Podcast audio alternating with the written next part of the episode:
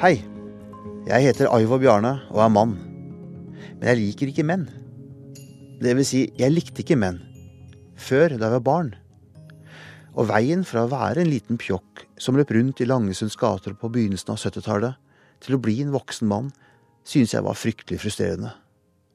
Og grunnen var altså at jeg i utgangspunktet ikke likte menn. Men hvem gjorde egentlig det på 70-tallet? Dette, kjære lytter, er tema for denne timen med Jul i P2. Der jeg, forfatter og historiker Aivo Bjarne Di Figureido, skal spille noen favorittlåter og fortelle litt om hvordan det var å vokse opp til å bli mann under feminismens gylne epoke på 70- og begynnelsen av 80-tallet.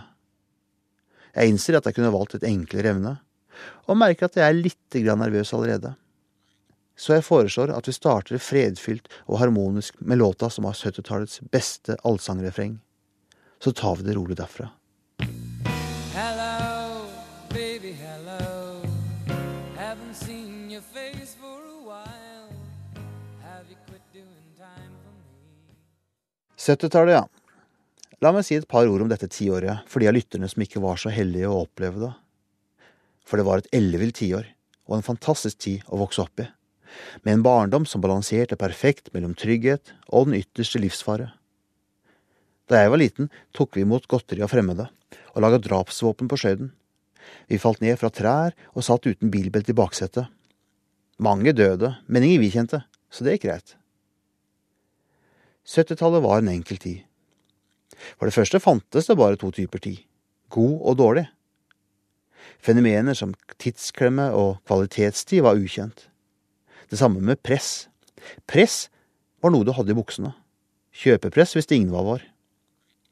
Nesten ingen hadde penger likevel, og de som hadde, kunne bare bruke dem til å kjøpe boblejakke og brusmaskin. Så vidt jeg kan huske, var heller ikke kroppspress et problem. Og grunnen var at alle var stygge den gangen. Ja, selv de som var pene, var stygge på 70-tallet. Det var en bleik, veik og hårete tid, og når jeg tenker meg om, var det i grunnen en fin ordning. Det eneste du kunne gjøre for å forbedre utseendet, var å kjøpe boblejakke. Ellers var det stygt med det du hadde. Var du tjukk, så var du tjukk. Var du flatbrøsta, vel, så kjøpte du boblejakke. En enkel tid var det, iallfall for oss som var unger. Litt verre hadde nok de voksne det. Særlig mannfolka, som opplevde at kvinnene deres gjorde opprør. Og med god grunn. Mamma var bare én av mange kvinner som måtte be om husholdningspenger fra mannen sin. Fikk hun det ikke, måtte hun sy våre og sine egne klær sjøl. Tenk på det. Kvinnefrigjøringen kunne gå på nevene løs, og gjorde det hjemme hos oss. Men faktum er at jeg knapt husker noen hyggelige menn fra barndommen. Bortsett fra bestefar, da, men han var bestefar og teller ikke. Menn var fremmedarta, fjerne vesener som så Sportsrevyen og sov middag på divanen med fotbladene ut. De kom aldri med brødskiver med gulost når vi lekte, fordi de visste at vi var sultne, enda vi ikke hadde sagt noe. Når jeg lekte hjemme hos kamerater, svinsa moren rundt i en duft av kanel og såpe. Når faren i huset kom hjem fra jobb, skifta stemninga. Alle ble vaktsomme. Moren strammet seg liksom opp, forvandla seg fra mamma til kone. Det lå irritasjon i lufta. Uuttalte regler trådte i kraft. Ja da, jeg vet at noen hadde fine, omtenksomme fedre som spilte fotball med dem og lot dem score. Og jeg skjønner jo at kvinnene ikke hata menn. Men jeg kan ikke huske at de sa at de likte dem heller. I alle fall ikke fordi de var menn, snarere på tross av. Jo mer mannlig en mann var, desto verre. Faren min, for eksempel, var en klassisk macho med hårete bryst og flørteglis. Han var likevel ikke noe imot den walisiske sangeren Tom Jones, når han dukka opp på fjernsynet, svingende på den frekke lille stussen sin, rista mamma på huet. Æsj, sa hun. Jeg gløtta over på pappa i sofaen, der han satt med skrevne bein og skjorta åpen. Æsj, tenkte jeg. Egentlig litt synd, det der, for det svingla ikke så verst. Av Tom Jones, mener jeg. Ikke stussen, altså. Sangen. Vel, stussen også.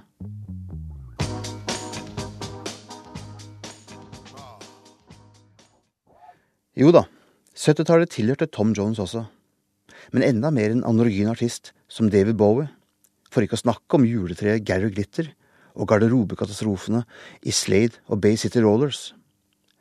I det store og hele var 70-tallet tiåret der klangen fra patriarkatets hårete bjeller ebba ut i den vestlige verden. Og det er kvinnene, de jevne, hjemmeværende konene, omsider tok Nora Helmer på ordet og marsjerte ut av døra og inn i yrkeslivet, akademia og politikken. Eller like gjerne, det var tiåret da mannen gikk ut døra og flytta inn i ungkarshybelen igjen. Her ble han sittende med skilsmissepapirene i den ene hånda og langpilsen i den andre, uten andre å snakke med enn en en bregne. Mens vi, ungene, vi ble igjen hos mor. Greit for meg, jeg ville være hos mor. Hos kvinnene. De trygge, myke, velduftende kvinnene. Bestemødre, tanter, mødre, andres mødre. For ikke å glemme jentene. Hvis jeg kunne velge, ville jeg mye heller være sammen med jenter enn gutter. Er du gæren? Jeg mener, jenter var greie. Kort sagt, jeg var uten å vite det, allerede da en svoren tilhenger av den syngende filosofen James Newell Osterberg.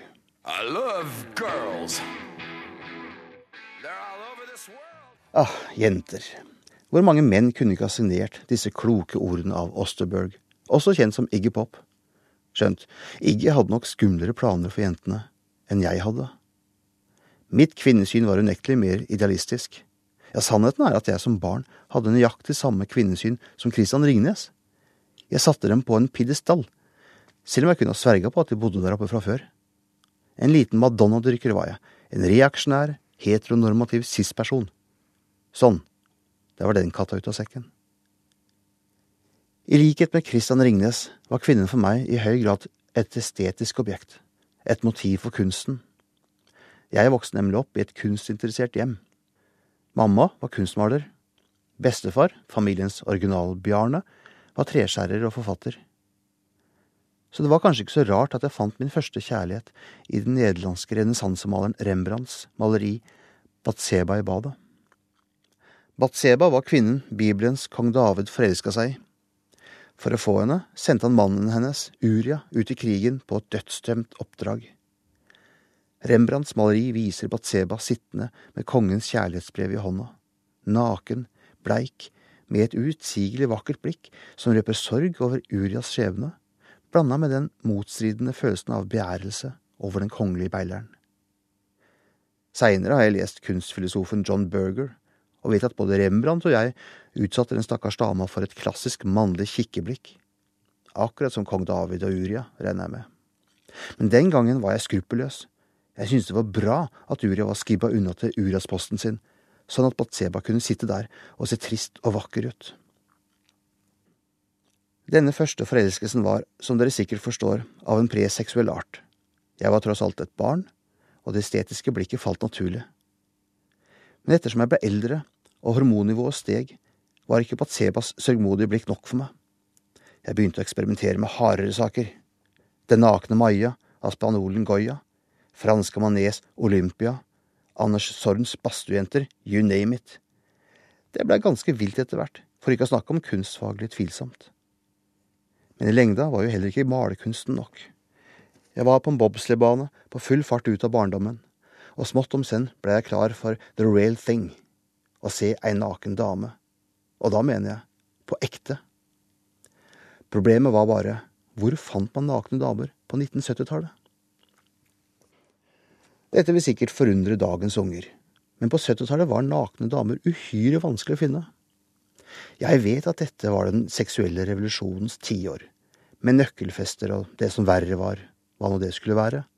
Men saken er at jeg ikke kan huske at noen var nakne på 70-tallet, bortsett fra guttene i gymmen. Og gymlæreren, selvsagt. Ingenting er så 70-talls som nakne gymlærere. I de øverste hyllene på kiosken i Storgata sto riktignok mannebladene Cocktail og Alle menn. Men de kunne like gjerne hengt i spiret på Langesund kirke for meg. Jeg var nemlig en snill gutt, oppdratt som protestant og katolikk, med det verste fra begge religioner i god behold, skyldfølelse med et hint av røykelse. En eneste gang hadde jeg en nær pornoopplevelse. Ute i skauen fant jeg en da et løsrevet midtsideoppslag fra et manneblad ved et utbrent bål. Rundt lå tomme ølflasker, i trærne hadde noen hengt opp kondomer, som man gjorde, og altså, dette midtsidebildet som akk og ved var revet i to ved stiftene. Og dobbelt akk og ved, den eneste delen jeg fant, var den med overdelen av dama. Hvor var resten? Den viktigste delen. Underdelen.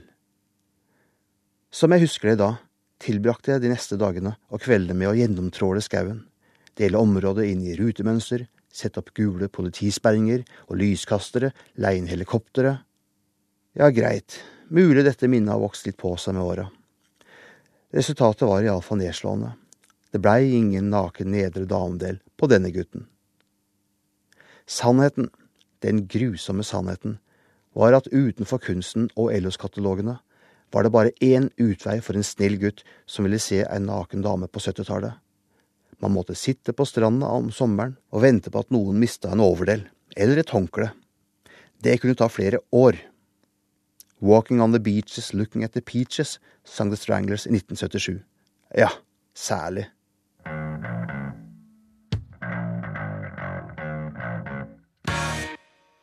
Så der har du meg, en mannshatende liten knott, en fyr som elska jenter, men som ikke hadde fnugg av identitet som gutt eller kommende mann.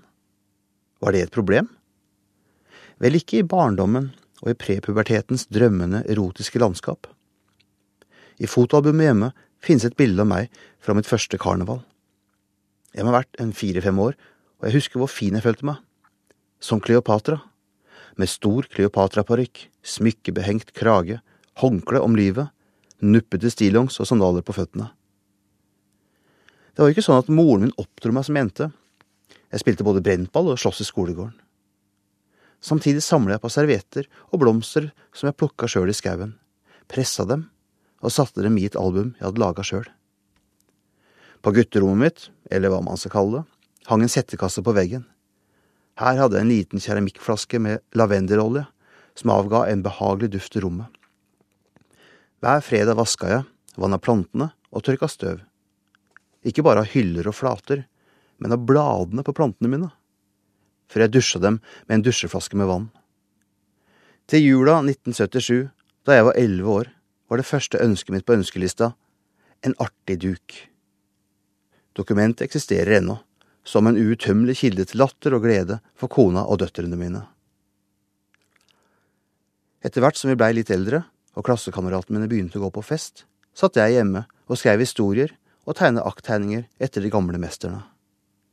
I helgene gikk jeg lange turer i skauen og tegna trær, eller jeg bare satt på en stein og snuste mot sola. Du har sikkert skjønt det nå, det er jeg som var oksen Ferdinand, minus musklene. Eller like gjerne, jeg var en hen, i en tid da ordet ennå bare betydde høne på engelsk. Og i hele den prepubertale fasen av oppveksten min fungerte dette helt utmerka. På 70-tallet et tiår som tillot en gutt som meg å leve ut de myke sidene mine, uten presset fra en kommersiell kjønnskultur. Sammen med kvinnene. Mens mennene satt på hybel og drakk øl og snakka med breina si. Dem om det. Jeg var en lykkelig engelsk høne i min egen hønsegård, eller hensegård. En spedbygd drømmer i blomsterenga. Gjerne lesende på en av yndlingsbøkene mine fra denne tida. Edith Holdens The Country Diary of an Edvardian Lady. Det var en bok der den edvardianske dama sjøl hadde skrevet dikt og malt duse akvareller fra hagen sin. Med denne ballasten vandra jeg så, plystrende og fornøyd, ut av 70-tallet og inn i 80-tallet. Ut av hensegården og inn i den sjarmerende livsfasen vi kaller puberteten. Hvordan kunne dette gå galt? Du hører på Jul i P2. Jeg er Aivo Bjarne di Figureido og snakker om hvordan det var å gå fra gutt til mann under feminismens gylne epoke på 70- og 80-tallet. Og av hensyn til følsomme lyttere skal jeg ikke gå i detaljer om hva som utspilte seg da jeg omsider tok mine første vaklende skritt inn i manndommen. La oss bare si at forrige låtvalg var gjennomtenkt. My name is Sue, How did I do? Ikke så bra. Men var det kvinnenes skyld? Alt vi ville var at dere skulle bli gode ektemenn, fortalte mamma meg seinere. Vi skulle være den nye vin. Myke, snille, lekende og lyttende menn.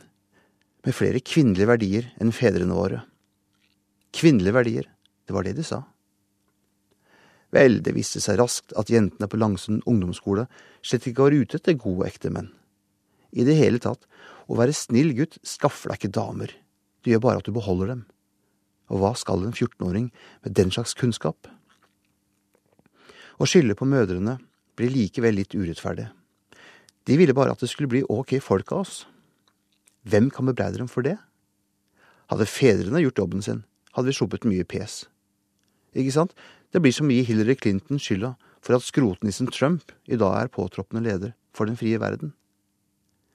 Seinere lærte jeg at det på 70- og 80-tallet fantes mannegrupper som møttes for å stake ut veien videre for en ny mannsrolle. Dessverre var det ingen som inviterte meg. I stedet for å lage min egen mannegruppe ble jeg derfor gående gjennom pubertetens hormonstorm med fornemmelsen av å bære på en indre overgriper. Et voksende monster, et mannemonster, som begjærte sånne ting som mannemonstre pleier å begjære. La meg for all del ikke overdramatisere. Puberteten er en prøvelse for de fleste. En periode der kroppen er under totalrenovering, uten snev av respekt for HMS-reglementet. De eneste av guttene som slipper billig unna, er alfahannene. Mer om dem siden. Mødrene gjorde altså sitt beste. Men er det lov å komme med noen ørsmå forslag til hva dere kunne ha gjort annerledes? En bitte liten liste over ting som ikke var direkte sunt for en syttitalls-hen på vei inn i hanndommen? Greit. Ok. 1. Boka Kvinne kjenn din kropp. I denne boka som var viktig for jenter på min alder, finnes et bilde av et naken par på ei seng.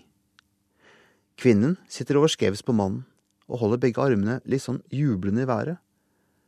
Det er som om hun vil si jeg tar seksualiteten min tilbake, seieren er min. Og hvem var jeg som slukte denne boka, annet enn den beseirede? 13 år gammel, jomfru og allerede nedkjempa. Hadde det ennå vært en bok som het Mann, kjenn ditt sinn, den skulle jeg gjerne ha lest. To. Vibeke Løkkebergs film Løpejenten fra 1981. Her møter vi kvinner som jobber og sliter og passer barn, mens mennene banker dem og drikker øl, gjerne i kombinasjon. I en scene kommer mannemonsteret, i Helge Jordals skikkelse, inn på soverommet der mor og datter sover. Han bærer ungen over i sofaen i stua, før han går tilbake til senga og kler av seg på overkroppen. Kameraet hviler utspekulert på hånda som holder pysjamasbuksa oppe, den mannlige seksualiteten i all sin heslighet. Og mens den utslitte moren underkaster seg, og mens ungen roper engstelig på henne fra det tilstøtende rommet, slipper Jordal taket i pysjamasbuksa og tvinger seg på henne. Takk for den, Vibeke. Tre. Underrusta. Rusta er altså kvinnesakskvinnen og pornobekjemperen som pleide å si at dette er ikke annet enn dårlig skjult kvinneforakt. Hun sa dette ganske ofte, og jeg synes alltid det var litt rart, for jeg kan ikke huske at noen brøy seg om å skjule kvinnefrakta på den tida. Ikke Clint Eastwood, ikke Benny Hill, og i hvert fall ikke Leif Hagen, min barndoms pornokonge, en mann som så nøyaktig ut som Tom Jones ville ha gjort hvis han hadde vært Leif Hagen. Ironisk nok var det under Rustad og ikke Leif Hagen, som omsider introduserte meg for pornografien. Det skjedde i bomberommet på Langsund bibliotek, der Rustad holdt sitt beryktede pornoforedrag, med lysbilder fra det verste av 70-tallets pornofilmer. Og da tenker jeg ikke bare på lyssettinga. Jeg var fremdeles rundt 13 år og hadde høyst sannsynlig sneket meg inn. Og det eneste bildet jeg husker, eller rettere sagt, som jeg ikke kan glemme, var et der en mann hadde ejakulert på brystet til en kvinne, mens Unni Rustad kommenterte, og her ser vi altså hvordan pornografien tilfredsstiller mannens lengsel etter mors bryst. Takk til deg også, Unni. Takk skal du faen meg ha. Konsekvensen av alt dette var at det klare sinnet jeg alltid hadde kjent overfor mennene, gradvis ble tilført et nytt og uklart sinne, mot kvinnene, mot mødrene som jeg elska og ville beskytte, og mot jentene jeg ikke fikk, men aldri slutta å lengte etter. Jentene, som i denne alderen var sosialt og erotisk overlegne, iallfall virka det sånn. I alle fall for en som meg, som ikke var en alfahann. Så uklart og så ulovlig var dette sinnet, at jeg ikke fant ord for det. Det gjorde til gjengjeld Robert Plant og Led Zeppelin.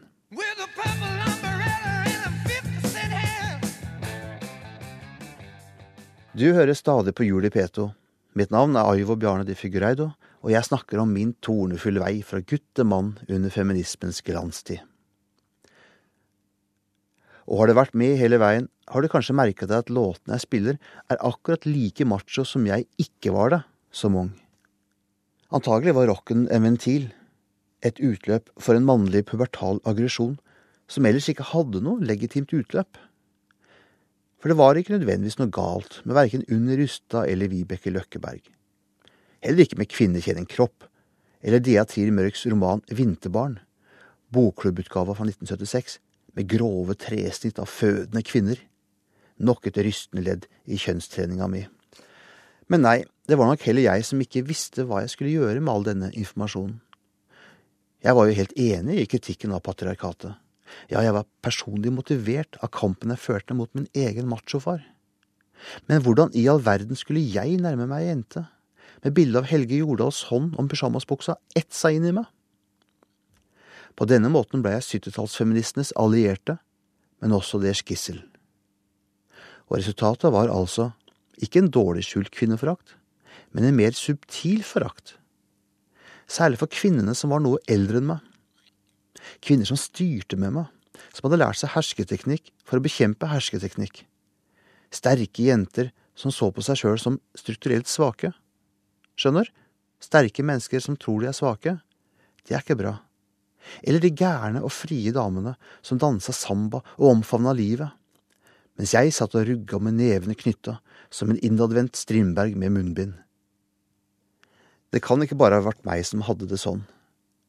Hvorfor har min generasjons fremste komiker, Harald Eia, ustanselig gjort narr av kvinnelige artister som Lynni Trekrem og hitlåta hennes Ferra til Mexico, alle gærne damers opprørssang? Eller Kari Bremnes, bare fordi hun heter Kari Bremnes. Eller den sketsjen der Harald trakk fram en brannslange og spylte ned en flokk Charleston-damer. Altså sånne damer som går først i jazzopptog og danser med små paraplyer. Disse damenes livslyst og frihet blei på en pussig måte en trussel for oss. Vi hadde da for pokker smurt brødskivene våre sjøl siden vi var ti. Subtil kvinneforakt, sier jeg. Men det blir kanskje litt sterkt. Det var vel heller en dyp irritasjon, som eksisterte parallelt med de feministiske holdningene vi også hadde. Akkurat som vi syns de eldre 68-erne var en sjøldyrkende og patetisk gjeng med skinnvestene og Mao-sitatene sine. Samtidig som vi i all hovedsak var enige med dem politisk. At nettopp vi ble selve ironigenerasjonen, er det minste mysteriet i moderne norsk mentalitetshistorie. Hvordan det enn var, etter hvert som vi kasta pubertetens hudormspekkede maske av oss og blei voksne, gikk det seg vel til for de fleste av oss, som det gjerne gjør for snille gutter. Og i ettertidas irriterende klare lys er det lettere å si at hestekuren vi gikk igjennom, kanskje ikke er mer enn man må tåle når man vokser opp i en omveltningstid. Under feminismen, i det norske demokratibyggingas siste fase. Alt hva mødrene har kjempa, sønnene har grett. Litt får man ofre for kampen. For min del tok ørkenvandringa brått slutt den 12. mai 1988. Den dagen åpna jeg dør, og der sto hun, jenta som skulle bli mi. Fra da av måtte alle ideer om kvinner og menn vike for et samliv med et menneske. Ikke for det. Kjønnskampen fortsetter, selvsagt. Det gjør den alltid men vi fant også raskt fram til det beste den skandinaviske kjærligheten har å by på. Kameratskapet. Likheten. Egenskaper som bærer syttitallets umiskjennelige merke. Ja da, mødrene fikk rett til slutt, for vi blei da vitterlig bedre ektemenn og fedre enn forrige generasjon, blei vi ikke? I dag er jeg 50 år og gift på 26. året. Ja, og så er jeg blitt kulturmann, altså en middelaldrende forfattermann som angivelig herser med omgivelsene, og som ned på sine kvinnelige lesere, kulturdamene. Men stemmer det? Jeg mener, hvis kulturmenn ikke liker kulturdamer, hvor kommer da alle kulturbarna fra? Jeg bare spør. og kjøper vel egentlig ikke den betegnelsen uten videre. For den høyrøsta eldre kulturfyren som tar rommet og ordet og klemmer kvinner han ikke kjenner, akkurat litt for lenge, det er jo ikke kulturmannen i aksjon. Det er alfahannen som går ned i flammer. Bon voyage, sier jeg. Gud, så lei jeg er av å måtte svare for den fyren der. Fortsatt anser jeg meg for å være en feminist. Og det trengs i det tilbakeslaget vi ser ut til å stå ovenfor i vår tid. Men jeg tror feminismen står seg bedre om vi erkjenner at den ikke bare er en motbevegelse, men også en maktfaktor. Og der det finnes makt, må det finnes rom for kritikk. En legitim kritikk, vel å merke. En som kan aksepteres som relevant, også av feminister. Alternativet er å overlate kritikken til antifeministene og vulgære maskulinistene. Dere vet, de som sier at nå må menn få lov til å være menn og sånt noe. For min del har oppveksten med feminismen gitt meg en magerefleks i møte med en del feministers hang til generalisering. Gjerne med hyppige henvisninger til patriarkalske strukturer. I voldtektsdebatten, for eksempel, der tanken om at enhver gutt har en voldsmann i seg, møter forbausende liten motstand. Der var den indre overgriperen igjen, ja. Finnes det ikke en positiv beskrivelse av den unge mannlige seksualiteten? Pågående som den er, men helt forenlig med alminnelig folkeskikk. Nå bør vi selvsagt prate om strukturer, også de patriarkalske. Men vi må passe oss for å redusere sanne begrep til enkle slagord. Å avdekke strukturer er nemlig veldig komplisert. Ikke minst fordi hver enkelt av oss er forma av mange og overlappende strukturer. Sjøl er jeg barn av en katolsk, konservativ, patriarkalsk innvandrer og en kulturradikal, protestantisk norsk feminist. Resultatet er en lysebrun nordmann, en innvandrer som ikke vandrer, og en mann som måtte gå en lang vei for å like seg sjøl som mann. Når alt dette er sagt, ser jeg at jeg med åra har tatt til meg mer av den klassiske mannligheten enn jeg liker å innrømme. Til og med en viss machostil, til min kones store irritasjon. Hva skal jeg si? Det skal noen desiliter aftershave til for å veie opp for serviettsamlinga og Kleopatra-parykken. Til sammenligning virker det som om menn som er bare 10 eller 15 år yngre enn meg, er langt mer avslappa til dette kjønnsrollestyret. For ikke å snakke om vennene til mine egne døtre, som er i begynnelsen av 20-åra. Jeg tar meg i å misunne dem, men hvor representative disse velfødde og velutdanna unge menneskene er, se det er en annen sak. Hva med de gutta som ikke leser Kafka, eller har studiepoeng i filosofi, og som i hvert fall ikke hører på P2? rørleggerne, yrkessjåførene, eller skoletaperne og de gjenglemte bygdeguttene? Hvordan har de det med mannsrolla si? Er det egentlig noen som vet det? Men hvis det virkelig er sånn, da, at vi lever i en tid der hensegården er i ferd med å fylles opp på ny, vel, så legger jeg meg gladelig flat. Og da må jeg vel også åpne for muligheten for at det kanskje ikke er faren min, men jeg som er den siste neandertaleren som lusker rundt i menneskeverdenen mens jeg slår meg på brystet og himler med øynene på en gang. En delvis omskolert mannemann som både hater og beundrer alfahannen, og som har bytta ut det selvsikre flørtegliset til Tom Jones med et pinefullt, sjølironisk flir. Oi, øye meg.